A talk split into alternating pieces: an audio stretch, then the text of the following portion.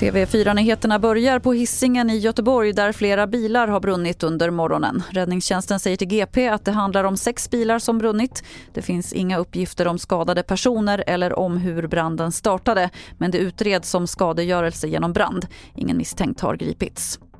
Så till Ukraina där invånarna i Kiev måste förbereda sig på att lämna stan.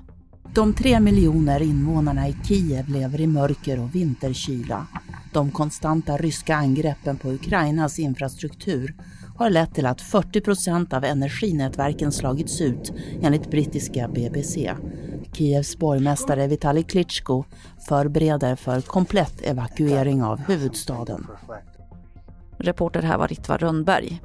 Och till sist kan vi berätta att en polispatrull tog ett gäng tjuvar på en rastplats i Klippan i natt.